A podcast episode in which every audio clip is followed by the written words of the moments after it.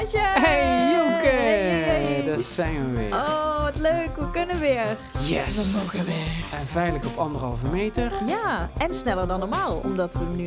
Hè, die andere die viel op een andere dag. Dus ik heb eigenlijk het gevoel... Oh zo, ja. Ja, Het de is vorige keer was dag het sneller. maanden. Ja, dat was het ook. Ja, één maand. Ja, maar het voelt toch altijd als te lang. En Niet eens een Elke dag maand. doen we dit. Ja. En net als de tweede keer geleden eh, stond Mark Rutte ook weer iets te vertellen. Oh ja.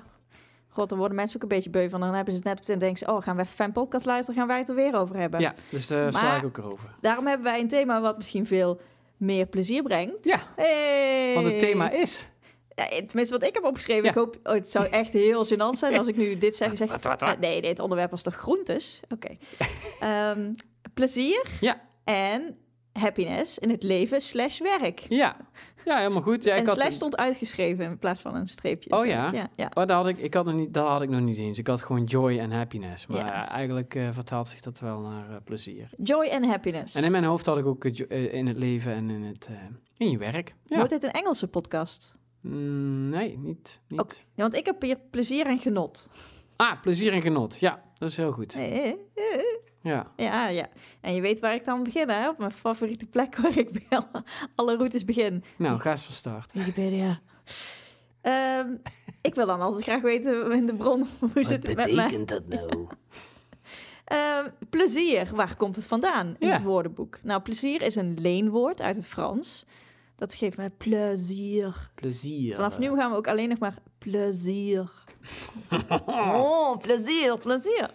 Het is een leenwoord uit het Frans. Het het betekenis van genoegen.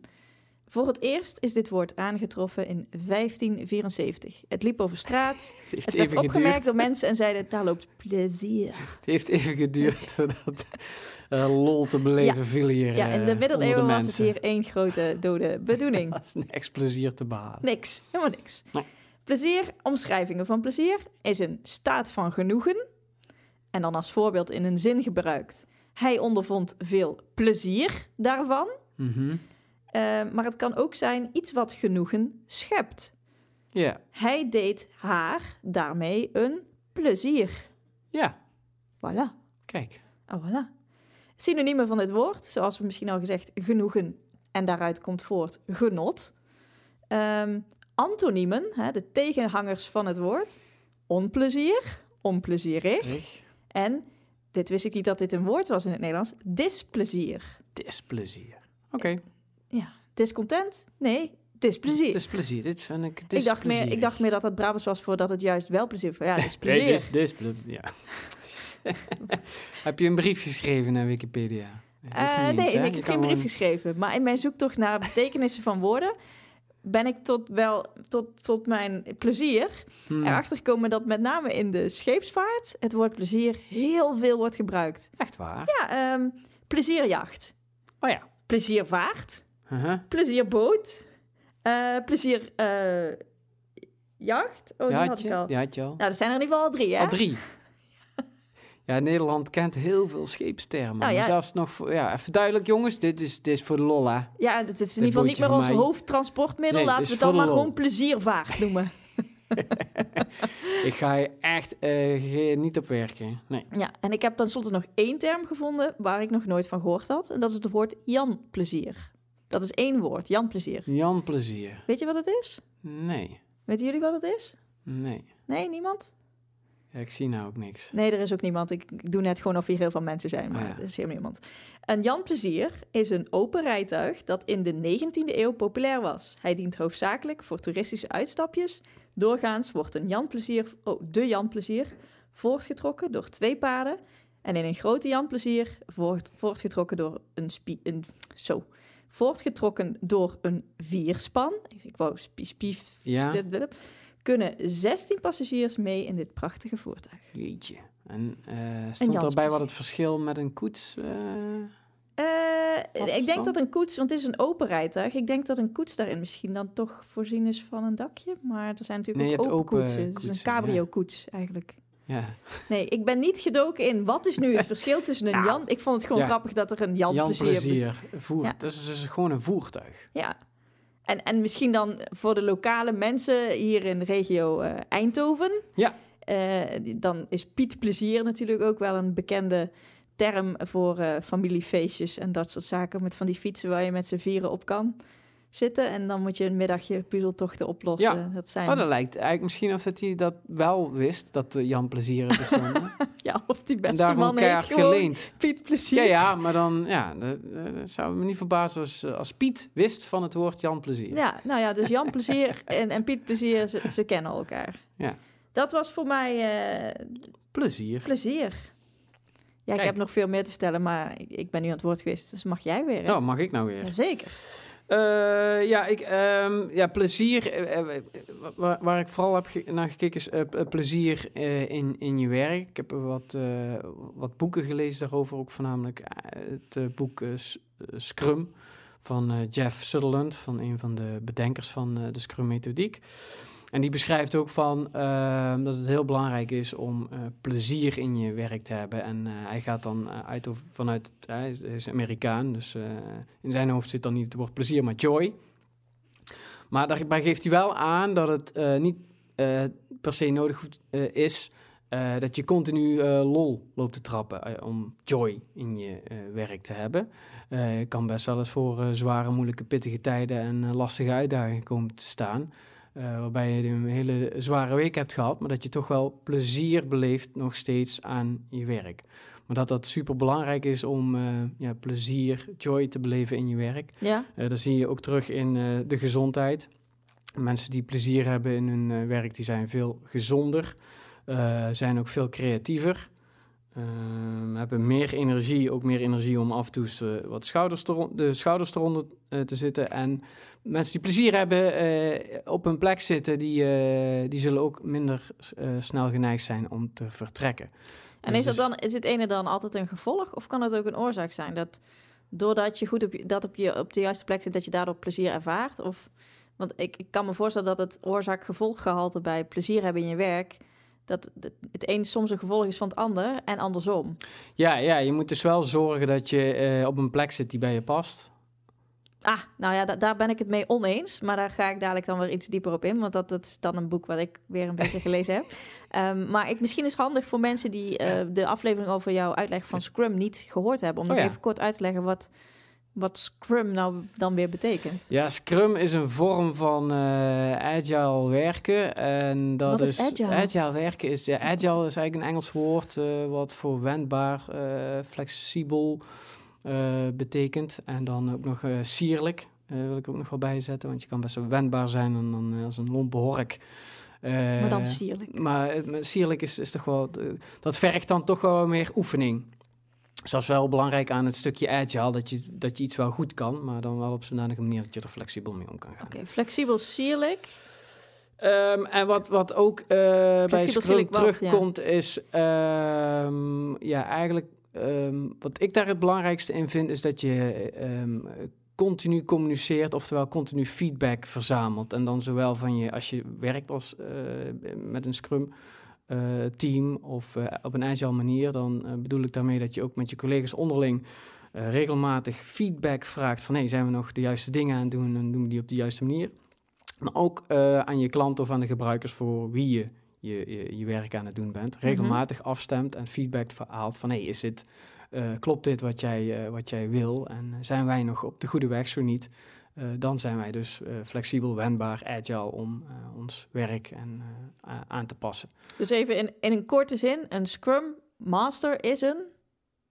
Ja, en Scrum Master is iemand die dat proces begeleidt. Die, die zorgt ervoor dat ehm, ja, iedereen de juiste processen volgt en zorgt ervoor dat ehm, die feedback ook echt daadwerkelijk plaatsvindt. binnen de bepaald genre werk. Ja, oh ja.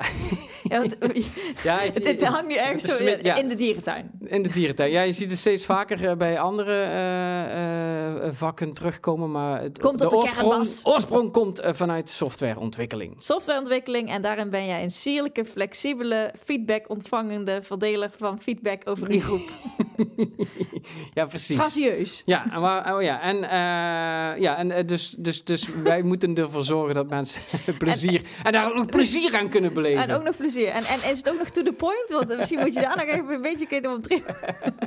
Nee, ik ben altijd heel vaag en... eh, uitgebreid. Ik denk Ja. ook even aan die oefening waar we met op onze handen zijn gezeten om gewoon even om het hier en nu te zijn. Ja, Eh, dat we ook allebei even gewoon even op die billen gaan zitten nu. en gewoon even rustig vertellen wat we te vertellen hebben. Want Bas, volgens mij heb je echt heel veel te vertellen en heel veel te melden. En Ja. ik wil er graag naar luisteren. oh ja. Ontspan je. Ontspannen mevrouwtje. Ja. Doet maar even pijn. Dus eh, ja, eh, dat heb ik hier mooi opgeschreven. Plezier beleven in je werk hoeft niet te betekenen dat alles roze geur en maneschijn is. Nou, ik eh, wil even in totaal ander ding erin gooien. Want ik zie het namelijk in een vrij warme, wollen, eh con conclavige trui. met een mooi patroontje erop, gemaakt van daadwerkelijke IJslandse schapenwol. Nu moet ik daarbij zeggen, ik ben zwaar nou ja, allergisch. Ik ben ehm, eh, eh, hooggevoelig voor, voor wol en wat het doet met mijn huid. En dan zou je zeggen, ja, maar Joke, waarom dan? Nou, eh, ons thema is plezier in, het, in je werk en in het leven. Leven. In je leven. Mhm. In het leven. In je leven. Ehm, deze trui is voor mij ook best wel symbool van ehm, eh, ehm, hoe je... je had het net over, je moet wel op de juiste plek zitten met je werk. Of de, de baan moet bij je passen? Zoiets zei je, toch? Ja, En ik zei, nee, jij zei nee. Nee, Ehm, het is namelijk niet altijd het werk wat bij je moet passen. Maar ehm, plezier kun je ook vinden in andere dingen. Want niet iedereen kan dezelfde baan hebben, zeg maar. Mhm. Er zullen altijd ook mensen zijn die, die werk doet wat misschien eh, heel vuil werk is. Hè? Als je het hebt over de, de handelingen die je moet verrichten... zijn dat nou niet de leukste handelingen die je kunt bedenken. Maar die mensen die hebben wel ontzettend veel plezier in hun werk. Ja. Dus die vinden dat plezier dan weer uit andere dingen. Nou, waarom is deze trui Ja, maar dat mij... bedoel ik dat ook met passen, hè? Dan ja, nou, past nou. het ook. Nou, helemaal cool. Nou ja, maar dit paste dus niet meer. Want deze trui heb ik ooit gekregen van mijn kleine broertje. Eh, en dat was toen nog een dichte trui. Het was geen vest. En voor de mensen die nu mee kunnen kijken. eh, dit is nu een, vest geworden. En hij zit ook een beetje strak op dit moment. En hij was dus wol. En hij was niet gevoerd. Dus toen ik hem kreeg, was hij eigenlijk al te klein. En hij was van wol. Maar ik vond hem zo mooi. En dat feit dat hij die dus helemaal mee terug had genomen... van zijn periode die hij gewoond heeft in IJsland dacht ik, ja, maar die trui die doe ik nooit weg. Maar het is ook zo zonde als je iets in je kast hebt hangen wat je gewoon niet aan kan. Maar je doet hem ook niet weg. Ja, Dan is het bijna een soort carnavalskostuum wat je nooit draagt. Dus toen heb ik gekeken, hoe kan ik nou hè, die trui, die dus eigenlijk niet helemaal bij me past, past. passend maken voor mijn huidige situatie. En zodoende eh, heeft iemand me er wel bij geholpen, maar is die nu gevoerd met een zacht vlies. Ja. Waardoor ik geen, of in ieder geval een stuk minder Kriebel. last heb van, van de kriebels. Ehm, en hij is er een vest van gemaakt, zodat ik hem niet, eh, da- daar waar hij te strak zat, dat ik een beetje kon oprekken. Want dan krijg je toch weer net die extra ruimte mee. En ik kan hem ook open en dicht ritsen als het Oh, te warm kan- wordt. ja, Want dat- dan, dat is dit kan fijn. nog wel eens heel... Dit blijft anders irriteren. Dus ik kan hem zo'n beetje zo of een beetje zo. En op die manier heb ik dus eigenlijk iets wat me niet paste, toch passend gemaakt. Passend gekregen. En ja. daar heb ik nu wel veel lol aan, want ik draag hem dus niet vaak. Maar als ik hem, als ik hem draag, dan pak ik hem heel bewust uit de kast. En dan doe ik hem aan en dan moet ik wel steeds weer met een glimlach terugdenken aan het moment dat ik hem kreeg. Ja, En zo past die trui me dus eigenlijk als een, als een jas. Zoiets. oh wauw. Ja. Dat is wel echt creat- eigenlijk best wel een creatieve oplossing. ja, en ik denk dat dat ook zo kan werken met eh, eh, plezier maken en plezier hebben in je leven. Mhm. En, ehm, want dingen gaan, ja, hoe heet het, wat zeggen ze ook wel? Het leven is wat er gebeurt terwijl je andere pla- plannen Dingen, maakt. plannen maakt. Ja, Nou. dat zei iemand ooit. Ja. Ja, nou, en, en hoe maak je daarin toch dat het je als een jas past? Ja, Nou, dan moet je misschien soms de jas wat eh, verstellen. ja, ja. Zoiets? Ja, je, moet, je moet je een beetje aanpassen. Of het is ook ehm, hoe je er naar kijkt, of mee omgaat, of op reageert, dat van belang is. En dan kan nog steeds dezelfde situatie zijn. Maar de een ehm, baalt ervan eh, of vindt het onplezierig. En de andere kijkt er toch op een andere manier eh, naar. En die eh, ondervindt daar wel plezier van. Of in ieder geval niet zoveel hinder als de ander. Ja, En dan is alleen de manier van kijken en reageren daarop eh, veranderd. En maar alle dingen die daar gebeurden gewoon exact hetzelfde zijn. Dus ook de, de mindset waarmee je iets ondergaat ehm, is van invloed. ja. Ja. ja. en, en wat, wat op die mindset dan weer van invloed is, zijn die omstandigheden. Dus het is eigenlijk continu een soort wisselwerking van ja, wat de omstandigheden zijn en hoe je daar vervolgens mindset technisch mee omgaan. Ja, want er is toch, dan schiet me nou te binnen. eh ooit oh, dan gaat je mindset. Ja, Oei, oei, oei. gelezen of gehoord of en gelezen en gehoord. Dus als, je iemand die eh, de lotto wint of iemand die zijn benen breekt. En als je dan een jaar later kijkt, dan ehm, zijn ze allebei even, even gelukkig. Of in ieder geval even gelukkig als, als daarvoor. Dus dat, dan zie je dat een situatie die ogenschijnlijk heel ongelukkig is... of een situatie die eh, ja, eigenlijk heel veel geluk zou moeten brengen... Ja. ehm, ja, toch, toch niks uitmaakt omdat de manier waarop je hem beleeft... weer gaat afvlakken of... Ja. Ja, het is ook het is best wel cliché te noemen, maar de momenten waarop ik eigenlijk het minst aan bezittingen heb gehad, zijn eigenlijk weer de momenten waarop ik het gelukkigst ben geweest. Ja, We streven altijd naar dat, dat meer, meer, meer. En eh, waar we nu zitten is, is op dat moment... We kijken altijd weer door, oké, maar hoe kan ik dadelijk weer naar het volgende toe? En ik moet, moet eerlijk zeggen dat ik mezelf er nu ook op betrap... dat ik het gevoel heb dat ik een beetje in een wachtstand zit omdat er allemaal processen, volwassen processen gaande zijn... hè, van het vinden van een huisje of het stichten van van een, van een gezinnetje. Of in ieder geval een plek gaan vinden waar je al die volwassen dingen gaat doen. Eh, en, en, je, en je eigen praktijk en dat soort dingen, dat het allemaal moet opstarten. En dat je voor je gevoel denkt, ja, maar ik wil zijn waar het dadelijk af is. Terwijl als het dadelijk af is, dan, ja, nou, en dan? ja. Dan is het af. Dus je bent eigenlijk dan helemaal niet bezig met dat plezier en dat genieten in het hier en nu. Nee, omdat je je heel te druk zit te maken over... eh, Ja, Ja, of in ieder, geval, in ieder geval wens niet hier te zijn, maar, maar daar waar je nog niet bent. ja, En het omgaan met dat, ik noem het dan even voor mij, voelt het als een wachtstand. Daar word ik zelf best wel gefrustreerd van en onrustig. Hoe kan ik dan toch nog plezier vinden in mijn leven? nu. Nu. Ja. Ja, nou ja, voor mij is dat, dat daar heb ik echt, ben ik echt een tijdje mee bezig geweest. Van hoe kan ik me daar nou. Hè, ik, ik- dingen die ik niet kan veranderen, waar we het de vorige keer over hebben, hoe, laat ik, hoe ver laat, Laat ik ik die op mij beïnvloeden? Hoe laat ik het los? Ehm, je, de lol ook gaan zien van de reis is, Ja, is soms ja, zo makkelijk gezegd. Ja, En dan denken van mensen vaak ook nog eens vaak in een echte reis. En van ja, de, de reis, eh, ik moet eh, naar, van A naar B. En dan... Maar het hele principe van s ochtends in de auto stappen en uitstappen bij je werk, daar geniet ik heel erg van. Waarom kan ik dat dan niet doen van, van die grote stappen ja, eh, als het vinden van een huis? Waarom ben ik nu echt, ja, maar ik moet nou een huis vinden? Nee, ik ben nu wel echt aan het genieten ook van het proces van dat schatgraven bijna. schat, ja, ja. En, en ergens naartoe kunnen hopen. En die, die, ja, die, een soort ja, volwassen Sinterklaasgevoel. Gewoon die, die, die dagen tot Sinterklaas zijn eigenlijk leuk. Dan heb je die avond gehad. Allemaal stress. Terwijl eigenlijk die voorpret... En het ja, mooie die van duurt ook lang. hè. Ja, maar Eh, het, het coole van Sinterklaas... die hebben een slim systeem bedacht met de schoenen. Want hoe, hoe hou je het nou vol als je steeds maar niks... Nee, Ja, dan af en toe een klein schoen, beetje, ja. jezelf een klein beetje geven. Dus geef je af, jezelf ook af en toe een klein beetje een soort ja, een beloning... of een, in ieder geval iets waardoor je denkt... oh ja, dan kan ik weer... kan mijn doelstellingen wat kleiner maken... waardoor de afstand naar die grote, dat grote einddoel wordt dan draaglijker. Ja, Maar ook leuker. Ja. En zo hou ik op dit moment plezier in mijn werk en in mijn leven door mijn doelen misschien iets dichterbij te plannen. En daarin kan ik veel meer genieten van de dag zoals vandaag. Ja, je maakt het, het grote doel maak je wat behapbaarder door er wat kleinere stukjes van te maken. Ja, nou, de vorige keer heb ik echt elke dag zitten wachten. Nou is daar weer podcast en eh, duurt zo lang, duurt zo lang. En dan de dag van tevoren denk ik, oh, shit, het is morgen al podcast. Ja, Waar is dat dan ergens omgeslagen van? Ik bedoel, alsof ik, alsof ik nu hier ben, alsof of over vijf minuten hier ben. In principe zou het even lang moeten voelen. Dat is een beetje wazig wat ik nou zeg. ja, ja.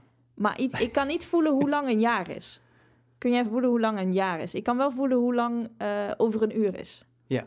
Ja, Nee, ja, ja, ja. Dat ik kan, is- een nee, jaar kan ik niet voelen. Nee, ja, dat, nee. Eh, nee, en een jaar kan ik lang, ja. Eh, het jaar waar je in je nieuw huis hebt gekocht vo- voelt anders qua lengte dan dat ene jaar wat, Ah. ja, waar, je, waar je al, ja. Stel een trouwerij, dat is iets wat je vooruitplant, hè? zeg een jaar van tevoren. En dan heb je allemaal van die tussenstapjes in. Van, hè, de, de, de, jurk uitzoeken, de bloemen regelen, locatie regelen, mensen uitnodigen, kaart versturen. Het zijn allemaal tussenfases waardoor je hap, hap, hap, hap, hap, zomaar. je- dat jaar gaat, dat schiet voorbij. Ja. Maar als je nou al die stappen niet mag doen en ze zeggen, oké, over een jaar ga je trouwen, alles is al geregeld. Dat lijkt me veel.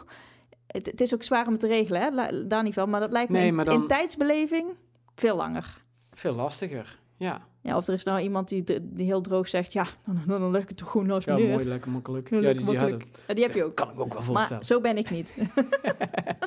Nee, maar dan leef je daar naartoe. Ja. Dan leef je daar naartoe. Misschien zit daar iets in. Ja, dit was echt een heel zijbruggetje waar ik... eh, dit kwam Nou ja. even los uit de pols. Ik moest me ook... maar- En eh, dat bedenk ik me nu. ehm, en daar heb ik, daar heb ik niet zo, eigenlijk niet heel goed onderzocht. En ook niet vaak herhaald. Dus... ehm eh, nou, correct het gaat me- goed. Correct me if, if I'm wrong.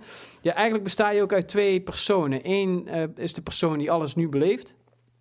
En de andere persoon die in je leeft, en dat is eigenlijk de belangrijkste, is degene die zich alles herinnert.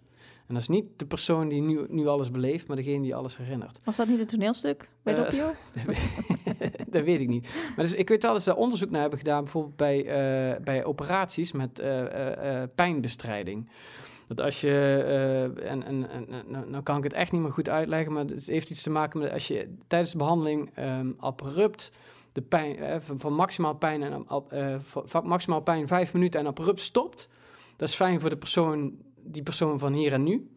Want dan hoef je niet, ben je binnen vijf minuten van die pijn af. Ik snap wat je gaat... Maar ja. ehm, als je. Ze hebben onderzocht dat degene die, eh, de belangrijkste persoon in jezelf, die alles herinnert, ehm, het fijner vindt als het 10 minuten duurt, maar het langzaam afzwakt, de pijn. Eh, dan heb je wel langer een soort van pijnervaring gehad voor degene die hier, eh, in, hier in het nu beleeft. Maar de rest van je leven heb je daar een prettigere herinnering aan dan als ze hem abrupt eh, afkappen, die, die pijn. Dus ehm, waarom zegt ze nou? Ja, Nou dat ja, heeft ook met de Heb je het beleving te maken. bij, bij jouw vrouw toen ze aan het bevallen was? Wat was prettiger? Ik heb dat niet getest. Nee, maar misschien moet je dat thuis Ik was met hele andere dingen bezig dan eh, testen. Nee, sorry, van, ik- eh, sorry, sorry, want ik moet even wat testen. Ja. Zet even 10 minuten aan, extra opwekker erop. en nu afzwakken. Ja. Nee, dat heb ik zo niet, eh, niet, niet getest. Maar ik kan me dan wel voorstellen dat, dat als je alleen die hoge pijn hebt en nul, Ja. dan, dan hou, onthoud je die, die twee punten. Maar dat, dat, die, die, die graderende, ja. De afvlakkende vorm, die heb je niet. Nee. die heb je dus ook, daar heb je geen geheugen voor. Ik vind het alleen misschien een beetje wel moeilijk, maar dat is misschien voor mij dat het wat zweverig klinkt als je zegt dat we uit twee mensen ja, bestaan. misschien beschrijf ik het eh, niet goed nu, maar, eh, Maar je hebt- zoiets. Hetgene, hè, het, het geheugen voor, voor pijn Ja, en de beleving van pijn in het hier en nu. ja. Ehm, ja, ik, ik weet in ieder geval dat bij bevallingen het, het, het zo werkt dat, dat de acute pijn op dat moment, daar, dat zit in een vakje in je geheugen dat je weer vergeet. En dat is evolutionair zo gemaakt, want als je dat niet zou doen, dan zou geen Ja, enkele vrouw zich meer voortplanten. ja Wat ik heel, heel, heel goed begrijp. Ja, een wonder. een wonder. Een Oh, dat doe ik nooit meer. Een wonder. En eh, ah, het is toch wel Het is toch wel raar dat dat leuk. gedeelte als je gaat drinken, dat je volgende dag zegt ik doe het nooit meer, dat het in het precies hetzelfde vakje valt als eh, de pijn van de bevalling. Ja, die vergeet je dan. Vergeet je weer. Ehm, ik, ik, had, ik had nog wel een verbinding gemaakt met plezier en passie. Want passie, als je het over je werk hebt, dan spreken mensen niet vaak in plezier in je werk, maar ook dat je gepassioneerd bent of dat je met, met passie je vak uitvoert. Mhm. Dat soort krachttermen, prachtig. Ja, Ja, en dan heeft, heb je nog passie fruit, is weer een heel ander benieuwd verhaal. hoe een belastingadviseur of zo dat beschrijft dan. Ja, maar wat, als je, maar wat als je nou geen passie hebt, ja. Wat als je nou geen passie hebt? Sowieso niet. En niet, sowieso niet. Als je niet. niet. weet waar je gepassioneerd in bent. Ja, oké. dus oké. ja. Dus Dat is je, nou- je kan het wel zijn, maar je weet, je weet nog niet waar, het, waar je het moet halen. Ja. Nou, als je maar geen passie hebt en iedereen blijft je maar vertellen dat je dat moet hebben. Mhm. En, en dat wil niet lukken, dat lijkt me best wel frustrerend. Net zoals iemand die zijn telefoongeluid nog aan heeft staan. Basje, foei. Ja. Maar ik kan me voorstellen dat niet iedereen weet wat, wat zijn passie is. Nee, is het niet wel? Eh, nog een keer, sorry. Dat is ook nog de technicus die mij een, app- een appje stuurde. Oh jee, moet je iets aan... Oh, stonden we nog niet aan? Nee. oh jee. Shit. Ehm, nee, maar, maar dat... ehm, mensen hè, die passie hebben, die, die, die jagen hun droom na... of die, die Mhm. pakken iets groots aan... of Ja. dat zou ik nooit doen en eh, die gaan ervoor. Maar wat als je dat nou niet hebt? Mhm. Wat als je nou niet weet wat je passie is... en ook misschien geen passie hebt? Ja. Wat doe je dan, Bas? Ja. Nee, maar dat is mijn vraag aan jou. Oh, ben ik, ja, eh, eh, weet, weet- weet ik niet. Ik denk dat, ja, nou, eh, sterker nog, ik denk dat heel veel mensen gewoon leven zoals, ja, leven en daar, daar misschien niet eens vragen over stellen aan zichzelf. Heb Van, jij een eh, passie? Heb ik een passie? Heb jij passies? Ik heb passies. Nou, ik, ik vind het wel heel eh, cool Ja dat of nee, jij Bas? passies... eh, Ja of nee? ja, muziek, film en eh, gezin. Dat weet ik. Je passie is gezin. nou, daar hou ik... Nee, ja, ik hou van, van, van ah, muziek. En, Ben je gepassioneerd over? Film en... ja, van Huilende gezin, kinderen straks, kinderen dus en... Passionata. ja, zoiets. Ja, kan het niet? Ja, kan zeker, kan dat. Ja. Nou ja, waarom dat ik dat rijtje zo vlug oplepelde, was ehm, omdat ik... eh, ken je de term ikigai? Ga, eh, nee. Ja. Dat Is, komt is dat je woord van, van de dag? Komt... nee, nog niet eens. Mijn beeld slaapt. Nog Oh niet God. eens. Nou, heb je er met eh, twee handen op gezeten. Nee, ik Oh. ga anders even zitten, maar ga Ja, verder. ikigai. eh Japans. Iki staat eh, is gro- grof vertaald voor leven. En kai staat voor ehm, eh, ja, resultaat of effect daarvan. En eigenlijk is het de reden van je bestaan. Als je het grof vertaalt, kan je ikigai vertalen naar reden van bestaan. Is je bestaanszin. Bestaanszin. Ja. daar sta je voor op. Dat is, dat is de- je ikigai. D- Dus de, eigenlijk de basis, de, de, de levensvraag van ons allen. Waarom, ja, dus komt die, waar jij nou hier? zegt van die passie, waar, eh, als mensen zich, eh, eh, hoe, hoe kunnen die opereren zonder, zonder passie? En, en dat is waar, waar Ikigai eigenlijk ook over gaat. Dus dat, dat wat je vaak ziet eh, als iemand eh, een beroep uitoefent, dat, dat het eigenlijk uit twee factoren bestaat. Is ehm, wat kan die persoon heel goed Mhm. en waar wordt die persoon voor betaald? En dat stuk waar het over, ja, je kan heel veel dingen heel goed, maar je wordt maar voor, voor een paar dingen goed betaald. Dat stuk wat dat overlapt, eh, daar, daar kijkt men vaak naar als me eh, een werk. eh, Maar ik heb dan nog nergens het woord passie of plezier gehoord. Nee, precies. Want wat je goed kan, hoeft niet per se te zijn wat je leuk vindt. Nee, en bij Ikigai eh, stellen ze dat er nog twee eh, dingen ontbreken. Dus eh, waar hou ik van? Ja, En eh, wat heeft de wereld nodig? Dus waar kan ik mijn passie eh, aan geven, zodat ik ook echt een goed gevoel krijg van, hé, hey, ik, ik draag nu iets bij aan, ja, de wereld is een heel groot woord, dat zou heel mooi zijn, maar in Mhm. ieder geval wel de, dat iets de bijdraagt of op, bij- op bijdraagt voor... of, Of dan wat lokaal, regionaal groter is dan dat. En dat zijn twee elementen die men vaak vergeet als, eh, als je in, in, in, in, in je werk zit. Dus mocht je afvragen van ik, ik heb een fijne baan, maar ja, ik sta op, ik ga er naartoe en het lukt me allemaal wel, maar ik mis iets. Mhm. Ga dan eens kijken eh, van, nou, eh, in eerst voor waar ben ik goed en waar, waar word ik voor betaald. Maar kijk ook eens waar hou je van. Zit dat, overlapt dat met wat je goed kan? En, maar kijk ook even wat, eh, ja, wat je je voorstelt van, nou, wat vind ik nou Ja. belangrijk in de wereld? Wat, Hoe kan ik de wereld... maar dan ga je wel uit van iemand die in een, in een kussen, kussenveilige omgeving zit van een baan die die goed kan, dan gaat hem goed af. Maar wat als je nou al die luxe niet hebt? Ja, dat is, Want daar, dat, dat, dat is, kijk, het is allemaal wel heel fijn en makkelijk als het allemaal kussentechnisch, als je valt, dan is het ook allemaal nog prima. Ja, zeg maar. de- ik heb het eh, wel voornamelijk over de, het gros van de mensen in Nederland. Die hebben dat eerste stukje eh, al redelijk goed op orde, zou ik zeggen. Dat ze een baan hebben en dat ze een inkomen hebben. Maar dat ze wel eh, iedere dag met de vraag rondlopen van ja, is dit het nou? ja. Oké, dus, Terwijl, hey, dit kan ik goed en ik word hiervoor betaald. Eigenlijk zou ik gelukkig moeten zijn, maar, maar ze zijn er niet. gepassioneerd over. Da- ja, dat is misschien een stuk wat, wat, wat ontbreekt, waardoor dat geluk iedere keer niet komt. Oké.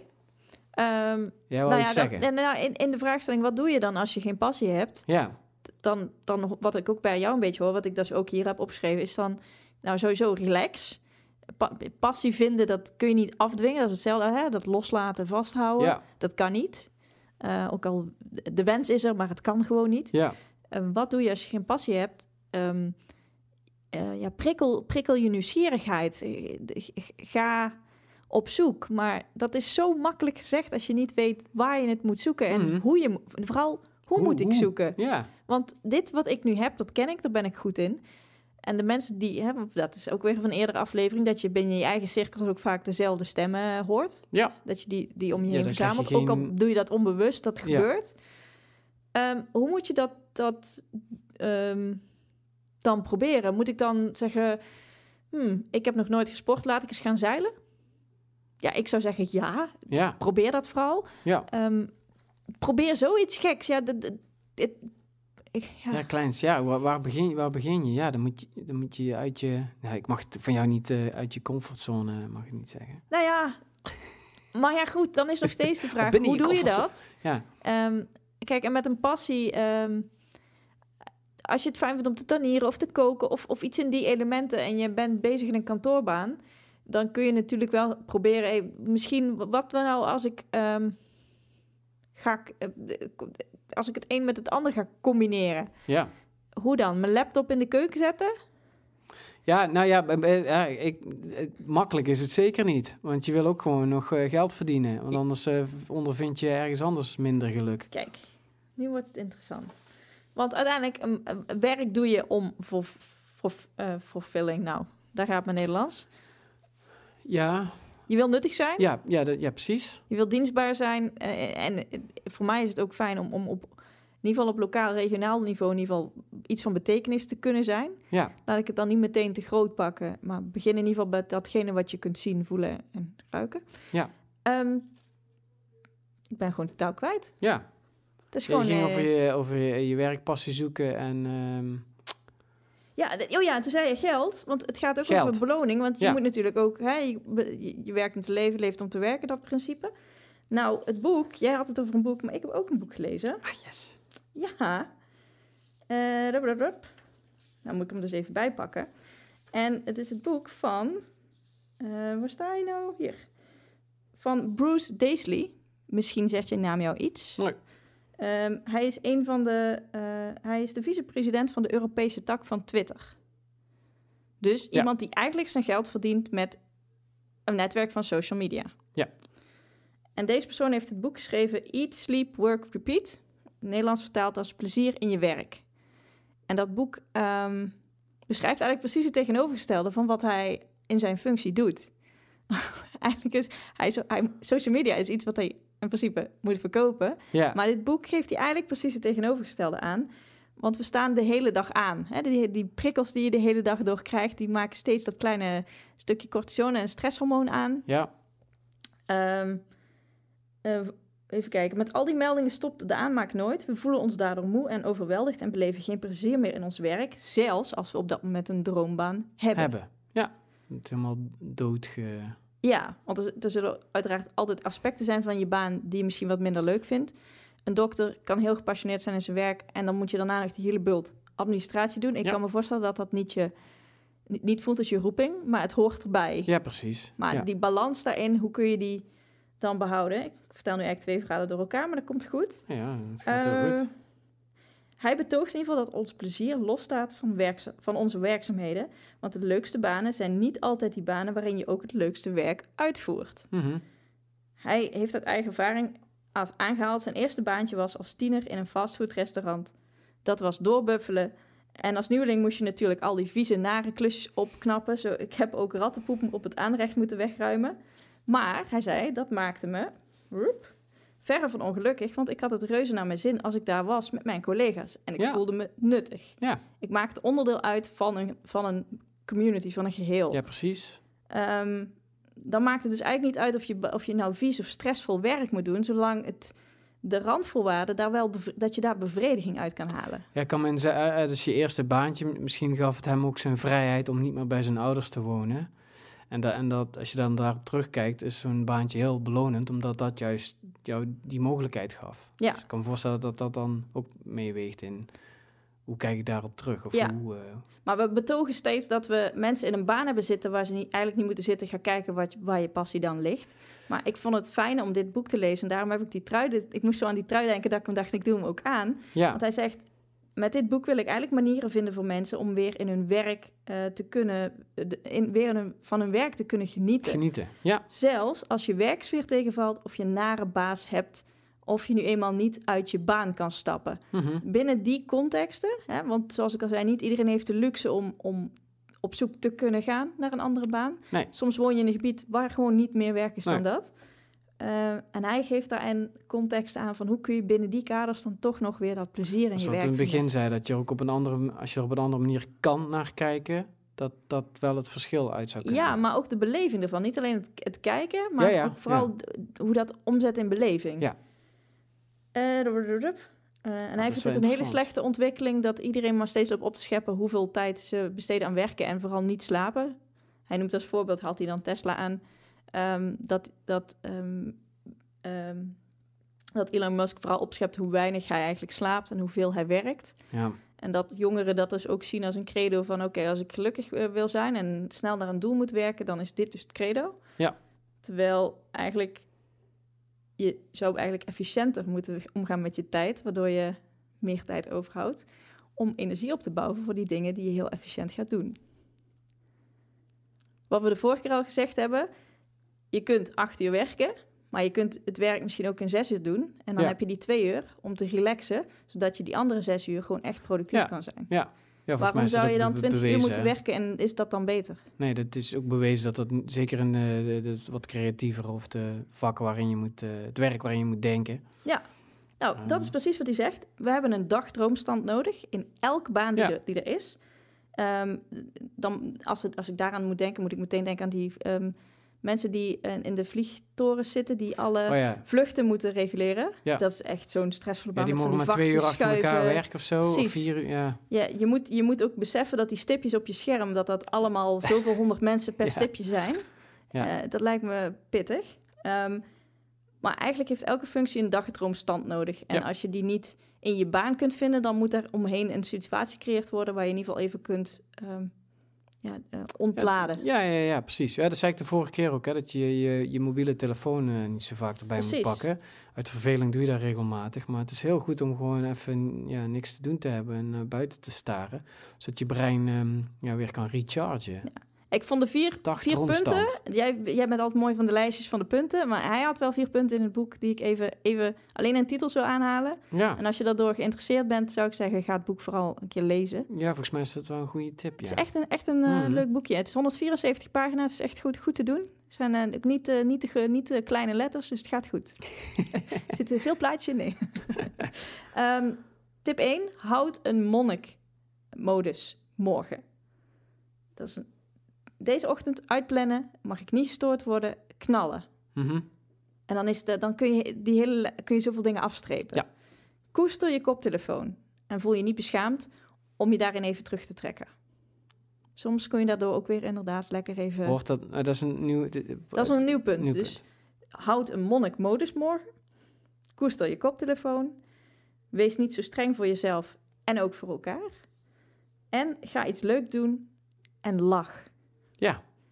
Het klinkt Jeetje. allemaal zo simpel, Had ik maar een koptelefoon. maar dat is het niet. Het boek heet dus Plezier in je werk, 30 manieren om weer verliefd te worden op je baan. Ja. Dat is is jouw favoriete ding, hè? Er zitten cijfers in, lijstjes, Cijfers, lijstjes, goede, goede tips ook. ja, goede, goede one-liners. Ja. Ja. Ja, die, die, die ken ik, eh, die, die monnik, ja, hij noemt het monnikmoment, eh, die, die, ken- die lees ik ook wel andere dingen terug. Dat je even gewoon moet plannen van hier ga ik even knallen en, en dan, dat doe je dan ook. Ja, je hebt work hard, play hard, maar in dit principe kun je dat work hard, play hard, in plaats van dat je het keihard scheidt, is dat je het ook in blokjes kunt verdelen. Ja, precies. Ja. Ja. Ja, sowieso gezond. Dat is sowieso gezond. Eh, ja, plezier. Ik had ehm, ooit eens gehoord van een Australische eh, verpleegkundige, palliatieve verpleegkundige. Dus, dus die werkt dan in een hospice of ben je dan hospice? Dat weet ik eigenlijk niet. Dan werk je in een hospice. Werk je in een hospice, hè? Als je een hospice Dan ben je bent, dan ben je in een gebouw. Ja, Dat lijkt me niet. ja, toch? Lijkt me niet handig. Nee. Eh, Bonnie Ware, Australische. En die, ehm, die heeft een top, top 5 regrets of the dying eh, samengesteld. En um, dus die dus heeft top 5. Van de mensen die, eh, ze heeft heel veel gesprekken gevoerd met mensen die stervende waren en ehm, die hebben allerlei, die hebben spijt van dingen en heeft ze een top 5 van, Is- van is- is- gemaakt. Oh, van mensen die bij haar in het hospice terechtkwamen. Ja.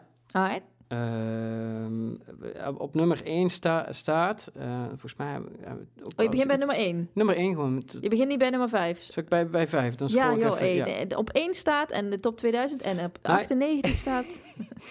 ja, dat is trouwens wel, goed. ja, hier staat 1 tot en met 5. Ja, het maakt ook En je hebt ze uit. Ik begin vertaald. gewoon op 5. Oké, en dan in het Nederlands. ja, zal ik dat doen? Ja, dat eh, Oké, mag ko- kopen. Komt ja, nummer 5. Komt ie. Vijf, vijf, vijf. Had ik mezelf maar meer toegestaan om gelukkig te zijn. Dus dat komt ook weer Bam. een beetje lief. Lief, lief. Ben nou eens lief, lief voor jezelf. Bam. Niet zo streng. Vier. Had ik mijn vrienden maar meer gekoesterd. Bam. Drie. Had ik mijn gevoelens maar vaker getoond. Is dat eh In de, ja? spie- in de spiegel. Ja. Ja. Bam. geuit? Ik ben boos. Had ik maar niet zoveel gewerkt. Op nummer twee. Oeh, die staat wel hoog, hè? Ja. Zo. Nou, iets van een ander. Ja, en dat bedoelen ze eigenlijk ook wel... eh, eh, had ik maar meer genoten van mijn eh, gezin. Tijd hier op aard. gezin, ja. Maar, dan komt er nu... 1, 1, 1. Had ik maar mijn leven op mijn eigen manier geleid en niet het leven dat anderen van me verwachten of wilden. Dus daar zit, eh, dat vind ik ook wel een beetje passen naar van, eh, eh, kijk ook, eh, zoek, zoek welk werk bij je past, maar Mhm. kijk ook of je je werk passend kan maken en op, op jouw manier kan, eh, kan insteken en niet ehm, werk of dingen doen omdat, je, jij denkt dat anderen dat willen dat jij dat doet. Kunnen jullie ondertussen, als je nu toch op YouTube met ons meekijkt, even in de balk intikken... Oh, was ik maar bij moeder thuis gebleven. Dat is een mooi muziekje voor hieronder tijdens de rest van dit gesprek.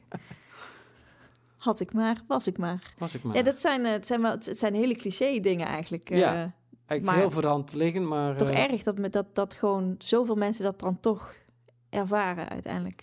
Ja, dat zijn natuurlijk wel de mensen die... eh, ik weet niet precies wanneer ze dat onderzocht. Of eh ze denken van de af... Ja, misschien al twintig jaar geleden eh, dat dit op tafel is gekomen. Mhm. Dus dat betekent dat we te maken hebben met mensen die toen 70, 80 waren. En, en die tijd was ook anders eh, dan nu. Nu komt ehm, eh, mindfulness. en hebben we daar veel meer eh, inzicht in. Ehm, dus ik denk dat wij over ehm, eh 50 jaar wel een ander lijstje gaan krijgen. Maar ehm, Laten we het eens wat persoonlijk inkoppen, Bas. Jij in- noemde drie... persoonlijk inkopen. Ja, persoonlijk inkoppen. Ja. Eh, ondertussen kunnen jullie nu het andere nummer aanzetten. Dat is Passie van de band Clouseau uit 1995. Ehm, het is altijd leuk om even wat nummertjes te luisteren. Ehm, ik had hier staan vragen aan Bas. En waar is mijn lijstje nou? Ehm, waar word jij gelukkig van? ja, dat is een goede vraag. Hè? Ja. Ik heb er helemaal niet over nagedacht. Nee, eh waar... Komt hij nu met het lijstje? Helemaal niet over nagedacht. Punt 1. Eh, ja, eh, wanneer eh, ik heb wel gelukkig, gelukkige momenten. Sowieso word ik gelukkig met, met mijn kinderen. spelen en zijn dingen doen met, met, met de kids. Wat ik echt, vind ik echt heel fijn. En met, met gezin. Ook gewoon met Yvonne erbij. word ik heel, heel gelukkig van. Ik heb dan ook als ding een heel, heel gelukzalig moment. was toch heel, heel cliché de trouwdag. Eh, was jij ook bij? Was jij ook bij? Ik was daarbij. Jij was ik, daarbij. ik stond niet erbij, maar ik, denk- was erbij. Ik denk dat jij, eh, eh, dat mijn, mijn beleving da- daarop terug ja, sterker is dan, dan jou. Dus mijn trouwdag, ja, daar, daar kijk, ja, daar, heel hey, veel- mompelmachine. Ja. Kom tot de point. Eh, dus dat was super fijn. En eh, ik heb hier ook moestuin opgeschreven. Dan komt Ja, het ik- hele zen-gedoe weer. eh en helemaal even bij niet. jezelf. En dus, Het is toch weer lekker terug naar de aarde. ja, je bent precies, ermee bezig. ja. Ik zie jou daar echt hele gepassioneerde, gepassioneerde, hey, gepassioneerde. gepassioneerde foto's over posten. Dat ik denk van, oh, nou, die is echt, die heeft ergens een stukje land waar ik altijd even dacht, zo'n volkstuintje. Ik zie- dan, ga je, dan moet je op de fiets naar zo'n zo'n zo'n post, postzegeltje van een tuinworm. Maar Ja, ik zie jou daar echt... met de kids. Ja, Ja, en jullie, jullie, jullie planten iets en dan komt er resultaat uit en dan heb je van die lek. Ik, ik vind dat echt, Ja, oh, zo ja dat is schattig. echt, echt heel... Ja, Maar de- kijk, alleen al als je hierover begint, je begint gewoon te stralen en, en dus de mompel is af. Je bent gewoon, ja, moestuin. Ja, ik, moestuin, ja, bijna, waarom staat- moet je daar nou voor Oh, schamen? Ja, hoeft helemaal niet. Maar Je zegt, ja, maar dit is ook weer zo cliché aan mijn trouwdag. Ja, ja mijn moestuin. Ja, dat, dat, maar dat is toch... Maar dat is, dit is wat er gebeurt. Je bent ergens gepassioneerd over. En, en Klaar. ergens schaam je er ook voor. Om te zeggen, ja, maar het is wel zo standaard met mijn trouwdag. Nee, ja, dat was jouw trouwdag. Dan moet ik ineens ook eh, weer denken aan eh, mensen die... eh, ze- gunnen zichzelf het plezier ook niet. Of, of ze beleven het niet zoals het eigenlijk zou zijn. Dat, Herken je dat, Bas? nou, ik heb... nee, nee, nee. Kom je daarbij? Eh, ik heb eens ooit een filmpje gezien van, van, van Dove. Sorry hoor. Eh, daar, daar heeft een FBI forensisch tekenaar, je kent ze wel, en dan kan je ze beschrijven. Hij had eh, groene haren en blauwe ogen en dan eh, maakt hij zo'n... Tekening? Nou, dat is wel een heel ah, extreem figuur wat jij hier omschrijft. Ja, die heeft Groene haren, blauwe ogen. mensen uitgenodigd om, ehm, eh, om zichzelf te beschrijven en daar maakt hij een tekening van. Maar vlak voordat hij dat doet, heeft hij met iemand anders, heeft hij die persoon samen met Ik een weet- andere persoon ja. in de kamer gezet. En eh, gevraagd aan, aan die persoon van, kan jij dus goed, goed ja, eh, schep eens een kleine band met die, met die persoon. En daarna heeft hij die andere persoon gevraagd om de persoon in kwestie te beschrijven. Mhm. En dan uiteindelijk doet hij dat bij een aantal verschillende mensen. En daarna zie je de beide portretten naast elkaar. De ene van die zichzelf beschreven heeft en de andere van de beschrijving van de andere persoon. Even een kleine notitie. Volgens mij waren, als iedereen die geïnterviewd werd, was een vrouw. Ja, dat klopt. Was een dat vrouw is ook nog een ding van hoe vrouwen zichzelf... Vrouwen zichzelf. naar- naar eh, zichzelf ja, kijken, Ja, ja, goed, eh, ja. goed, eh, goed punt. Ehm, en, en daar eh, eh, zie je heel duidelijk dat je eh, eh, jezelf minder ja, donkerder en Alles wat je van grauwer- jezelf niet mooi vindt, werd Ja. overgeaccentueerd. Ja, ja, En het portret wat vervolgens gemaakt was door de persoon die iemand anders omschreef, ja. daar, daar raakte ze ook van ontroerd. Van, dus zo, Ja. zo zien Dus andere mensen toch- mij. ja. Ik ben echt een stuk knapper dan ik dacht. dan ik dacht. Ja, veel opener. En, en dus toen moest ik denken van ja, eh, geldt dat misschien ook eh, niet gewoon voor, voor het beleven van je plezier? Van ja. 100 eh, procent. ja, Het is mij hier straks gebeurd. We hebben hier een hele lieve... ja, we moeten hem ook een keer gewoon een shout-out geven. Hansie Pansie. Hans. Die is, die is altijd zo lief om voor ons hier deze ruimte beschikbaar te stellen om de podcast te draaien. Eh, en die, zei, die, zei, die gaf me straks een compliment en dan maak ik dat wel een beetje af met een stom grapje. En dan maak ik eigenlijk degene die het compliment geeft bijna een beetje voor de gein belachelijk. Maar dat is Ja. gewoon eigenlijk omdat ik het bijna niet kan opvangen dat iemand, dat wat ik dan op dat moment niet zo zie van mezelf, eh, dat die persoon dat dan wel ziet. Hij zei ja, jouw gezicht plakt gewoon zo mooi op Mooi de op de camera. En ik moet natuurlijk zeggen, ja, plakken, plakken. eh, Wat is dat eh, nou weer voor een vieze opmerking? Ehm, maar dat was, het was juist iets heel liefs. En eh, nu je dit zegt, denk ik ook wel, ja, ik, ik moet misschien ook iets meer waarderen als mensen aangeven hoe, hoe ik bij anderen overkom, dat dat ook meegenomen mag worden in mijn eindoordeel over mezelf. Zelf, ja, Ja. precies. Maar andersom ook, hè, als mensen heel veel negatieve dingen over je zeggen, dan mag je ook wel iets meer meenemen wat je over jezelf. Of Nou ja, misschien ja, wat ja, feedback ja. denkt van, nou, zouden ze misschien een punt kunnen hebben? Dat is toch een ding voor de, onze uitzending, of wat hebben we gemist op school? Het eh, accepteren van complimentjes. Hoe doe Het je dat? accepteren van complimentjes. Hoe doe je dat? En het tekenen van mensen in FBI-stijl. Dat heb ik ook gemist op school. Ja, oké.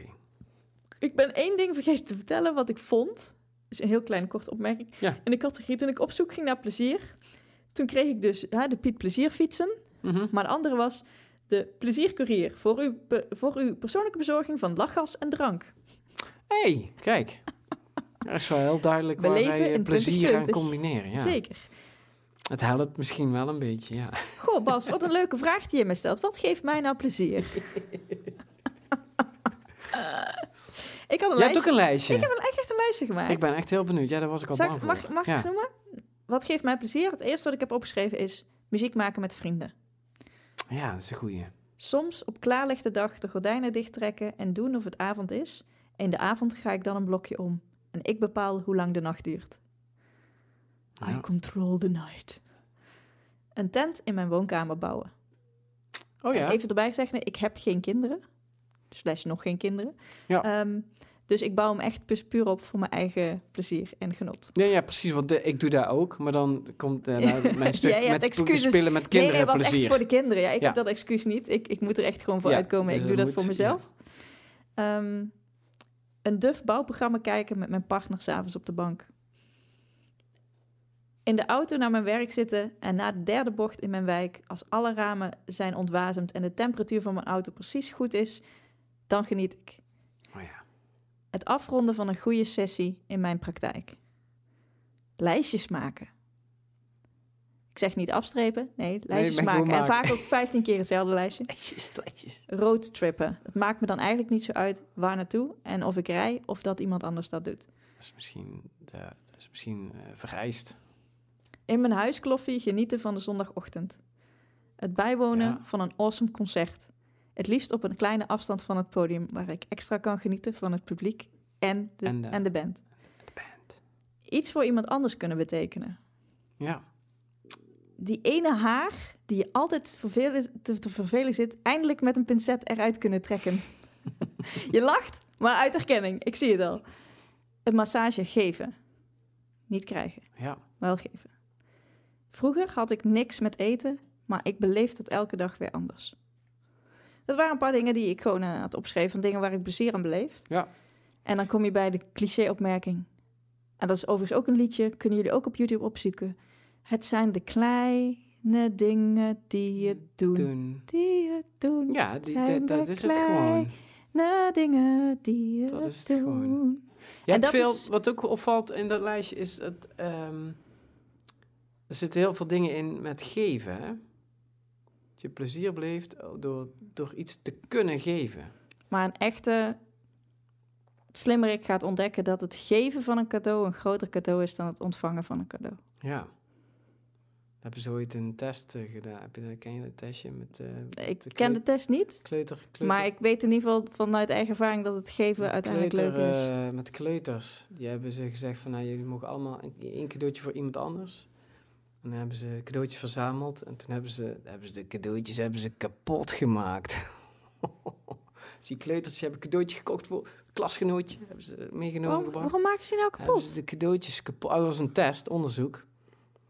En ehm, eh, dus die kinderen die kwamen in de klas en alle cadeaus waren allemaal kapot gemaakt. En huilen, huilen. Ja, dat was echt eigenlijk, eigenlijk heel verschrikkelijk. Wat heeft dat te maken met het leren van geven? Nou, waarom huilen jullie? Dat was niet omdat ze huilden van nou krijg ik geen cadeau. Maar ze huilden omdat het cadeau wat ze gemaakt hadden of wat ze wilden geven kapot was. Dus hetgeen wat ze konden geven werd hun afgenomen. Dus daarom moesten ze Oh, huilen. Stop het, was. Ja, dat was... de- Oh, die beelden die staan nog goed it. in mijn hoofd, ja.